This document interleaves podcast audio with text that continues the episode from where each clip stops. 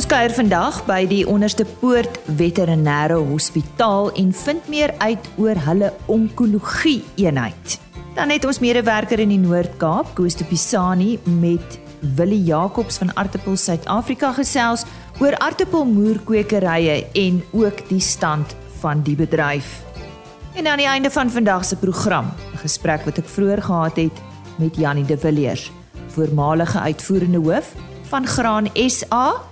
Ons gesels oor sy grootword daar en sy loopbaan en liefde vir landbou. Dis RSG Landbou goeiemôre en hartlik welkom by vandag se program. Ek besit op 27 November aangekondig dat Annelies Crosby vanaf 1 Februarie aangestel is as hoof van regsdienste by Agbiz. Annelies Crosby is tans by Agri SA. Sy is hulle parlementêre verteenwoordiger en ook eh, bekend in die media as dit kom by besprekings oor grondhervorming. Theo Boshoff is tans hoof van regsdienste by Agbiz, maar hy neem die pos as hoof uitvoerende beampte van Agbiz by Dr John Purchase oor wat uh, by die einde van hierdie jaar uittreë. Die landbou media is onlangs uitgenooi na die departement veeartsenykunde van Universiteit van Pretoria en soos ons dit ook maar ken as onderste poort Ek het daar vir dokter Paul van Dam raak geloop, hy's direkteur van die Onderste Poort Veterinêre Hospitaal. Hulle het 'n nuwe chemokamer by die onkologie eenheid en ek het met hom oor kanker en ons geliefde diere gesels. Kanker is nou seker nie 'n nuwe ding onder diere nie. Ek bedoel dit is mos nou al so lank as wat die mense het, het diere kanker. Ja, verseker, kanker is maar kom so kom net so algemeen in diere voor soos wat dit in mense voorkom. Mm. Ek dink net dat ons die laaste tyd al hoe meer kanker diagnoseer omdat met die verbeterde voedingsprodukte wat beskikbaar is vir diere en waarskynlik ook die toename in in troeteldierversekering ehm um, is mense meer geneig om diere langer te aan te hou. Diere leef langer met die beter kos ja. en mense is meer bereid om om vir spesiale behandeling te betaal omdat daar 'n uh, mediese versekering in die agtergrond is wat kan help om van die kostes te dra. So ons sien definitief meer gevalle. Gevalle onder alle tipe diere of is dit maar jou geselskapdiere? Dis maar hoofsaaklik geselskapdiere. Ja. Ehm ja. um, waarby ons natuurlik dan perde insluit. Ehm um, maar ja, dit is maar hoofsaaklik aan hulle. Ek ek sien nie dat plaasdiere nie ook kanker kry nie, maar dit word anders hanteer. En dan is die vraag natuurlik soos een van die uh, media persone vandag gevra het is watter tipe kanker sien julle meer algemeen? Wel dit is maar weer eens, uh, mense sien kanker in alle vorms soos hier dit in mense kry, so jy gaan velkanker, lewerkanker, nierkanker, enige vorm van kanker in diere ook sien. Ek dink ons sien tans nog 'n bietjie meer velkanker omdat dit makliker sigbaar is, omdat die eienaar dit makliker waarneem. Omdat uh daar's 'n knop of of, of daar's 'n letsel. So hulle kom daarmee en dan dan kan die kanker gediagnoseer word. Die die meer intraabdominale tipe van kankers en in hier in die borsvolte is duidelik nie nie so duidelik sigbaar vir die mense nie. So ons sien ook nie so baie van hulle nie. Nou wil ek terugkom by hierdie chemokamer waar jy so opgewonde is. Waarom nou eers? Wel waarskynlik omdat ons meer gevalle van kanker sien in die laaste tyd. Of soos ek sê, diere word ouer, so en in kanker is maar geneig om meer 'n probleem van ouer diere te wees, soos in mense waarskynlik ook maar. Ehm um, en ook het ons nou 'n ooreenkoms aangegaan met die Suid-Afrikaanse Vereniging vir Dierekanker um, om navorsing te doen op die behandeling van kanker om so dan hopelik beter vorms van behandeling daar te stel wat vir die diere 'n beter lewe gaan gee. En vertel ons nou van hierdie fasiliteit. Uh is daar spesiale tegnologie daar want ek dink as 'n mens gaan na chemo kamer toe sit jy in 'n stoel en jy kry uh 'n drip. Hoe hoe werk dit anders met diere? Wel, met diere werk dit baie dieselfde. 'n Mens kan presies dieselfde vorms van van chemoterapie in diere gebruik. Ons kyk tans ook na 'n apparaat wat ehm um, elektrochemiese terapie gaan doen So dis 'n kombinasie van van elektriese golwe en chemoterapie wat met baie klein naaltjies direk in die gewas ingespuit kan word om die behandeling meer spesifiek te maak op die op die kankerletsel. Ehm um, en natuurlik is bestraling ook 'n vorm van behandeling wat ons in diere gebruik. Ehm um, ons het tans ongelukkig nog nie so 'n fasiliteit nie. Dis iets waarna ons nog streef in die toekoms. Maar ja, dit is definitief ook iets op die horison. Maar 'n 'n dier moet seker gesedeer word tot 'n mate? Ja, uh diere oor die algemeen sit nie noodwendig stil as jy vir hulle vra om te doen nie. So ons sedeer maar die diere want die die die die behandeling is maar 'n vreemde ding vir hulle ook en dis beter as hulle gekalmeer is om en en rustiger is tydens die behandeling. Jy het gesê jy wag nou vir 'n nuwe masjien? Ja, hy is al 'n tyd lank op bestelling, maar soos met alles kan ons seker COVID blameer vir die stadige aflewering. Die masjien moet van Europa afkom. Ehm um, die fabriek daar sukkel om onderdele te kry om hulle masjiene te produseer. So dis so 'n tipe van 'n kettingreaksie. Ehm um, maar hy sal hopelik voor die einde van die jaar hier wees en volgende jaar in volle gebruik wees. So wat is presiese doel? Is dit wat jy nou-nou beskryf ja. het? Ja. Ja, dis dis dis die elektrochemiese ja. uh, behandelingsmasjien. Dr Paul van Dam wat daar met my gesels het en hy is direkteur van die Onderste Poort Veterinêre Hospitaal. In Suid-Afrika is daar slegs 'n handjievol aartappelboere wat hulle daarop toespits om aartappelmoere te kweek vir die kommersiële produsente. Die meeste van die moerkweekers is in die Noord-Kaap en Noordwes provinsie omdat dit 'n siektevrye gebied is. Koos de Pisani het met Willie Jacobs, hoofuitvoerende beampte van Artepel Suid-Afrika gesels oor die stand van moerkweekers en wat die toekoms kan inhou vir ons aartappelboere. Willie, eh, in die Noord-Kaap en Noordwes gedeeltes is moerkwekery eh, van groter belang as jou gewone aartappels wat mark toe gaan. Is daar 'n 'n toename in produksie oor die afgelope 10 jaar in hierdie twee streke, die Noordwes en die Noord-Kaap?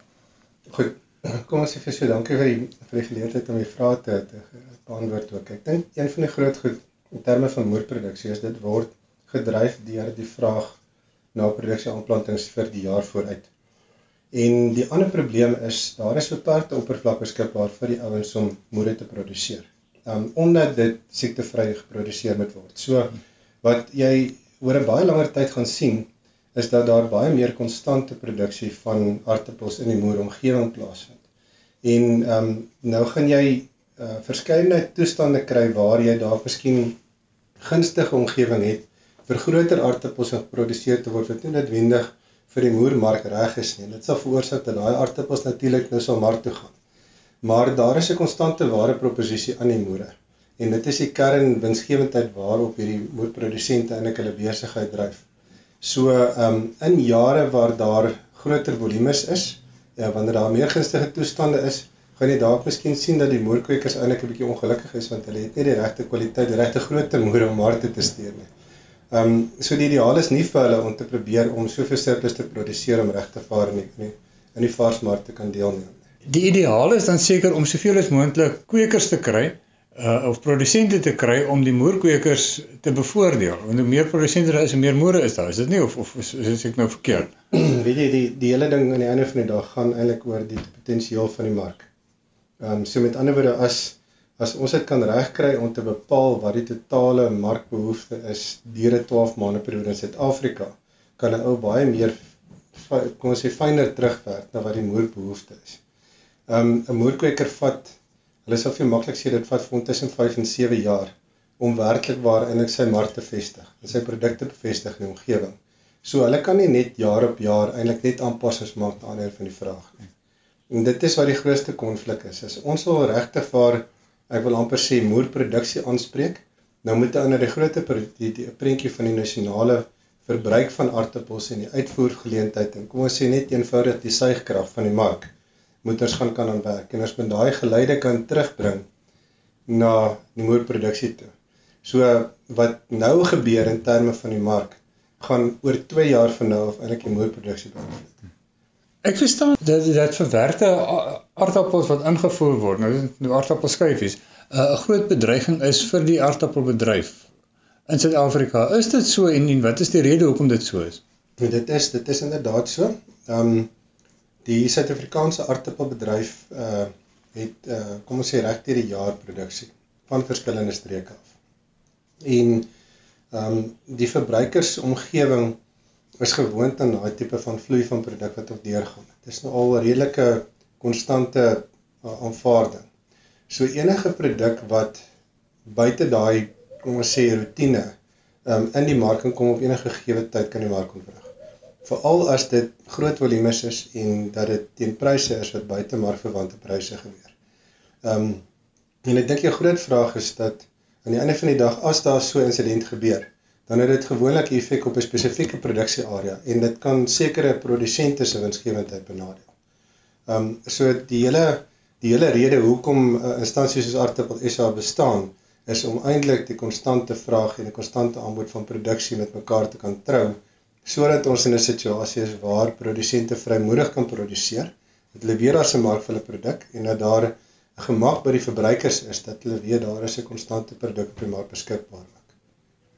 Ons praat nou van van van aardappels wat ingevoer word, maar is daar geleenthede vir ons ehm um, aardappelprodusente om uit te voer ook uh, ons Suid-Afrikaanse produsente? Ja, kyk in in die moederomgewing verkoop ons redelik baie aardappelmoere na die buiteland. Eintlik maar meer oor land. Ehm um, jy sou verstaan dat Nou, die aardappelbedryf in terme van uh hou vermoë van verpakking en die vermoë om dit ver te skuif en daai tipe van goederes baie riskant is. Ehm um, as jy aardappel koud maak verander hy van sy kom ons sê sy samestelling. As jy hom vir 'n ruk lank iewers in die donker stoor, dan is hy raai te sien teen 'n sekere temperatuur kry, so daai temperatuurverandering plaasvind of sodra daar enige verandering in sy in sy klimaatsomgewing gebeur, dan verander die aardappel self. So dit veroorsaak dat ons nie eintlik baie geleentheid het om oor lang afstand aardappels te skuif nie en dit ehm um, uh verminder ons uh toegang eintlik maar tot die kom ons sê die SADC area of die suidelike Afrika gebied om produkte in te skuif. Ehm um, op die varsmark dink ek wat Suid-Afrika baie uniek maak is ek dink groot die meeste van ons uitvoere ehm um, is eintlik invoere van buitelanders af. Dis nie uitvoere van Suid-Afrika af nie. As jy na die Johannesburg mark toe gaan, dan sien jy ek gebruik die voorbeeld baie sterk altyd daai blou lorrietjies van Mosambiek met die hele markvloer toe staan tyd daar en daai produk gaan net so oor die grens Mosambiek toe. Ehm um, so daar's 'n groot volume van ons uitvoerverkope wat plaaslik in Suid-Afrika verhandel word. Ehm um, wat die geleentheid is buite toe is ons besig om 'n bietjie saam met die NMC en ander instansies ook te toets om te kyk of daar fisiese bemarkingsgeleentheid vir produk buite toe is. Ehm um, die risiko is maar altyd ehm um, in in meeste van die lande kan jy ons aardappels produseer en hulle het nie so georganiseerde metodes soos ons om dit te doen nie. So jy het nie 'n konstante mark om op pyl te trek wanneer jy na omgewing ingaan nie. En wat baie van die lande doen soos Botswana en Namibië doen dit ook, as hulle produkte in die mark sluit hulle grense om hulle eie mense te beskerm. Of dit nou reg is of nie, hulle sluit die grense en ons kry nie toegang tot daai mark nie. So dit is nie regtig eintlik 'n tipe van plek om jou begroting op te beplan nie. Dit is dalk 'n geleentheid om te toets As jy 'n vaste mark en 'n vaste omgewing kan kry, dan kan ou dit ondersteun. Maar dit is baie riskant op hierdie stadium. Nou wat is jou uh, verwagting van die aardappelbedryf kom ons sê in die volgende jaar? Jo, as jy vir my sê wat gaan die klimaat in die volgende jaar maak, dan gaan ek vir jou sê wat is die verwagting in die aardappelbedryf? Hulle sê mos baie kere die boere sê as dit reën dan reën dit hoop, jy weet. En uh, uh ons het ons het uh, nou weer hierdie afgelope paar weke gesien hoe die mekaar kan dit gaan as daar tekorte ontstaan, dan skep dit baie meer hoop by mense en dit skep uh, bekommernis dat daai situasie nie gaan volhoubaar wees nie en dit veroorsaak irrasionele besluite. So as ek nou teruggaan, ek het uh, die 18de Januarie hierdie jaar begin in die tuig in daai week wat ek daar was het die aardappelprys met R20 'n sakkie geskuif van bo na onder toe. Nou as jy R20 'n sakkie of R50 'n sakkie invloed het, is dit die verskil tussen wins en verlies vir 'n produsent. Ehm um, as ek graag wil sê wat se invloed ons wil hê is om te probeer om genoeg inligting op die mark te sit om sulke situasies nie toekoms te vermy. 'n Belangrike ding wat ons heidaglik kan werk is om vir die produsente goeie indikasie te gee wat is die mark se wegneem tempo dat hulle kan bepaal of hulle te veel of te min aardappels op pad is mark toe sodat die prys wat op die mark gebeur 'n ware weer, weerspieëling is van wat die werklike waardeproposisie van die aardappels op die op dieselfde mark is. Dis is Willie Jacobs wat so gesels. Um, ek is Koos de Pisani vir RSC Landbou op Douglas. Ons uh, hoor môreoggend weer van Koos de Pisani. Hy het 'n inligtingsdag op Douglas bygewoon en uh, hy gesels môreoggend verder oor ons plaaslike aartappelbedryf.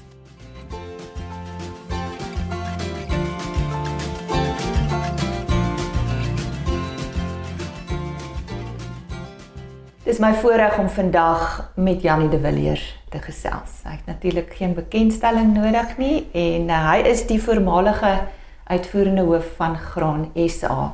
Ons gaan vandag so 'n bietjie terug in die geskiedenis en bietjie met hom gesels oor sy grootword daar en oor sy tyd in landbou. Dis blykbaar nie verby nie, maar kom ons vind uit Janie, dankie dat jy vandag by ons aansluit. Ek het so uitgesien na hierdie onderhoud. Baie dankie, dis lekker om hier te wees. Ja.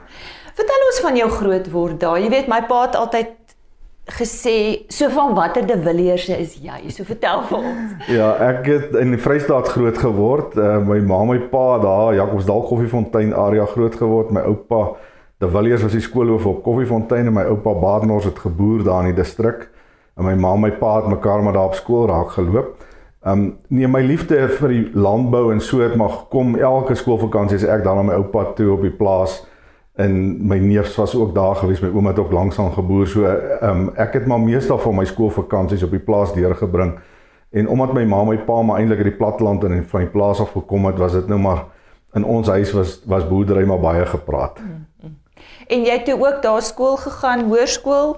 Ek het op Welkom groot geword, mm. ehm um, by gimnasium gematrikuleer toe ek weermag toe en toe se koffsies toe en ek het toe nou daar gestudeer, weer kom mm, gedoen mm, ekonomie en toe ek nou nagraads hier by Tikkies kom verder studeer in ekonomie en landbouekonomie terwyl ek hier by die departement landbou begin werk het. Soos jy gesê het jy het 'n groot liefde vir landbou. So dit is waar alles vir jou begin het, maar eintlik daartoe jy baie klein was. Ja, wat jy weet, mense het nou baie gedroom om te boer, nê, nee, maar ja. ek bedoel daar was nie 'n plaas vir my gewees en sulke goed nie en uh Ja. Ons was vier kinders gewees, ons het maar arm groot geword, maar ek bedoel ons het gelukkig die geleentheid gehad om te leer en ek dink dit het nou maar vir my 'n geleentheid ook gemaak. Ek was lief vir ekonomie gewees nogal en die somme doen en so aan en toe het ek nou daai twee goede bymekaar gekry op die ou einde van die dag. Bietjie meer oor jou loopbaan? Ja, ek het toe nou by die departement landbou begin by die bemarkingsraad en ek het nou daar die koringraad se goed moes doen aan die broodprys bepaal en broodsubsidie. Ek het al die meelens en bakkerye en silo's moes besoek as 'n staatsamptenaar om nou te kyk wat is die koste van 'n brood en so aan en dan vir die minister nou te adviseer oor wat moet die broodprys wees en die subsidie en so. So ek het in die koringbedryf eintlik aan daai kant groot geword en het so 3 jaar daar gewees en toe het ek nou by die meelenaars begin werk. So toe het ek 24 jaar in die vervaardigingssektor eintlik maar gewees. Uh bietjie maar geleer van mielies ook later van tyd en veevoer en die bakkerykant en so aan. So ek het 'n redelike goeie insig gekry. Ek omtrent by elke fabriek in hierdie land wat voedsel maak, was ek al op 'n stadium gewees en en gesien hoe word dit gedoen. Ek dink dit het my baie mooi begrip gegee. En dan het ek ook op 'n stadium 'n geleentheid gehad om die hele wêreld deur te ry en gaan kyk hoe lyk elke land se stelsel. En ek dink dit was 'n groot opvoeding vir my gewees, amper groter as my universiteitsopleiding mm. um, om net te kan sien hoe ander lande dit doen, wat hulle doen en wat is die impak daarvan. Mm. Graan SA was nooit Graan SA nie. Is ek reg? Ja, nee, dit was 'n klomp verskillende produsente organisasies gewees. Ja. En ehm um, uh, ek het ook maar gesien aan die verwerkingskant het ons ook hierso in, in 94 se kant het ons begin om al te almal gemeer.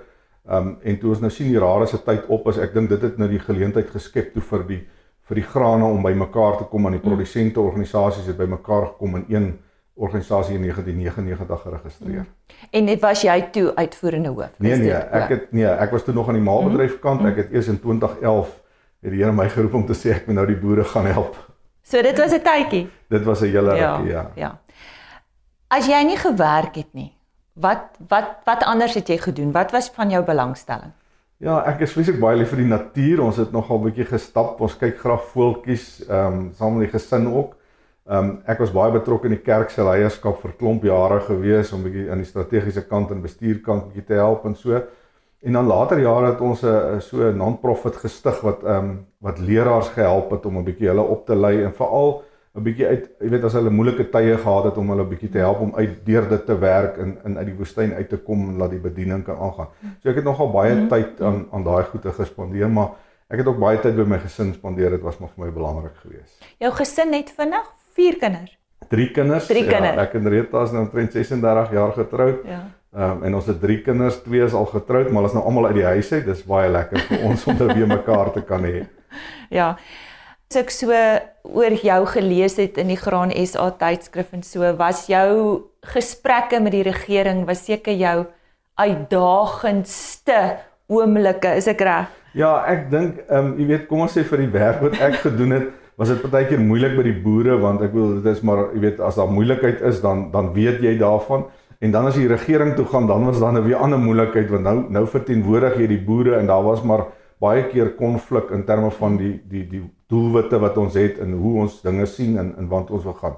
So daai gesprekke was baie moeilik en veral ook Ehm um, jy weet daar's 'n klomp mense wat nog deelneem aan die debatte wat met groot rugsakke van die verlede daar instap aan albei kante en dit maak nogal regtig moeilik om konsensus te kry en 'n pad mm. vorentoe te soek. 'n mm, mm. paar hoogtepunte. Sjoe, ja, ek het baie geleenthede gehad. Dit was eintlik vir my 'n wonderlike tyd gewees. Ek dink die hele trek van Botawil af Pretoria toe was nou 'n ja. baie groot ding gewees in ja. daai tyd. Ehm um, maar ek dink as 'n mens nou terugkyk was dit effektief die regte ding wat ons gedoen het. Um ek dink ook, jy weet, kom ons sê vir my en my loopbaan, byvoorbeeld toe die vrye mark begin het hierso in 96 om al hierdie klein organisasietjies wat nou die vrye mark dien soos Sages in die laboratorium, jy weet die JSE se platform, 'n klomp sulke uh diensorganisasietjies moes alles nie tot stand kom want dis dienste wat wat die koring raad gelewer het en wat die staat op daai stadium nie wou lewer nie. En toe moes ons al hierdie goed geskep het uit niks uit nie. En ek dink dit was vir my baie lekker en veral as hierdie goed nou internasionaal erkenning kry om te sê maar Suid-Afrika se inligtingstelsel en sy laboratoriums en daai tipe goed is jy weet die mm. die trusts om daai trust te gevorm het en mm. seker te maak daar's mm. prosedures en so. Nee dit was vir my 'n uh, eh, goeie hoogtepunte. Die hele kom ons sê seker te maak die die navorsingsplatforms is gebou weet die uitbou van Nampo was was lekker goed te gewees wat ons gedoen het Nampo Kaap wat bygekom het um, en en ek dink in die hele tyd nê nee, dat ons voedselsekuur is as 'n land nê nee, dit was vir my baie belangrik om seker te maak dis genoeg kos in die land vir almal. Mm, mm. Nou, jy's eintlik relatief nog 'n jong man as ons so kyk na statistiek. Jy kan nog 30 jaar leef. So wat nou? Ja. Nee, ek dink ek is ook nogal nuuskierig oor wat gaan als nou vorentoe gebeur. Ehm um, ek het nou definitief ook 'n roeping gekry om nou eers te stop by Graan SA en uit die kombuis uit te kom en 'n rukkie net stilte te hê en dan sal ek sekerlik hoor ek het um baie betrokke geraak by die leierskap akademie. Ek bedoel dis is ook een van my hoogtepunte gewees en ek sal graag nog wil terugploeg veral in ons jonger leiers uh van die goed wat ek geleer het in in en veral om seker te maak landbou het 'n 'n potensiaal om die land gesonder te kry uh in verhoudinge en ek dink ek sal graag 'n bietjie van my tyd nog meer daaraan wil spandeer. Maar dan is daar nog 'n paar goedjies in die graanbedryf en die landbousektor waarmee ek kan help. Nog so 'n bietjie betrokke by Agri SA um, ek dink vir hierdie oorgang, maar daar's nog 'n klompie dinge om te doen. Ek ek is nog net nie op die oomblik wil ek nie voltyds weer werk nie, maar ek is regtig op die uitkyk oor wat is daar wat wat ek 'n bydrae nog kan maak. 'n Paar woorde om jou af te sluit. Ja, ek is baie dankbaar vir die geleentheid wat ek gehad het in die landbousektor dat ons my toegelaat het in die span wat my wat ek opgelei het. Ene, daar's goeie mense wat wat wat nou die pad kan kan volhou. En ek dink ook um, vir my is baie belangrik vir die landbousektor om om die vrye mark te behou as 'n stelsel. Laat die mark ons vertel wat ons moet doen, hoe ons dit moet doen. Al is dit baie keer wreed en so aan. En en dat ons moet seker maak ons kan die dienste lewer selfs die goede wat die regering op die oomblik laat agter weer bly, moet ons die bal optel om seker te maak ons sektor is daaraan en laat ons met verhoudinge mekaar vorentoe kan vat en kyk of ons die land gesond kan kry via landbou. Dit was dan Janie de Villiers wat vroeër met my gesels het oor sy grootword daar en sy tyd in landbou. Hy het einde Augustus uitgetree as uitvoerende hoof van Graan Suid-Afrika. En ons herinner net ook ons gereelde RSC landbou luisteraars Janie de Villiers is elke jaar verantwoordelik vir ons spesiale Kersboodskap. So skakel in op 23 Desember om 5:00 dan hoor ons weer van Janie de Villiers. Fluit fluit ons storie is uit vir vandag. Onthou RC Landbou se onderhoude is op die volgende webtuiste beskikbaar. Dit word daar afsonderlik gelaai. Elke onderhoud apart www.agriorbit.com www.agriorbit.com onthou daardie .com dan word die volledige program natuurlik ook op die RSG webtuiste onder pot gooi gelaai en ons e-posadres is rsglandbou@plaasmedia.co.za. RSG Landbou by plaasmedia.co.za. Onthou môre om 5uur is ek weer terug met nog landbou nuus. Johan van der Berg natuurlik soos altyd op sy pos met nuus oor die weer. Ja, dit reën lekker. So kom ons hoor wat hy daaroor te sê het môreoggend. Totsiens. RSG Landbou is 'n plaasmedia produksie met regisseur en aanbieder Lize Roberts en tegniese ondersteuning deur Jolande Rooi.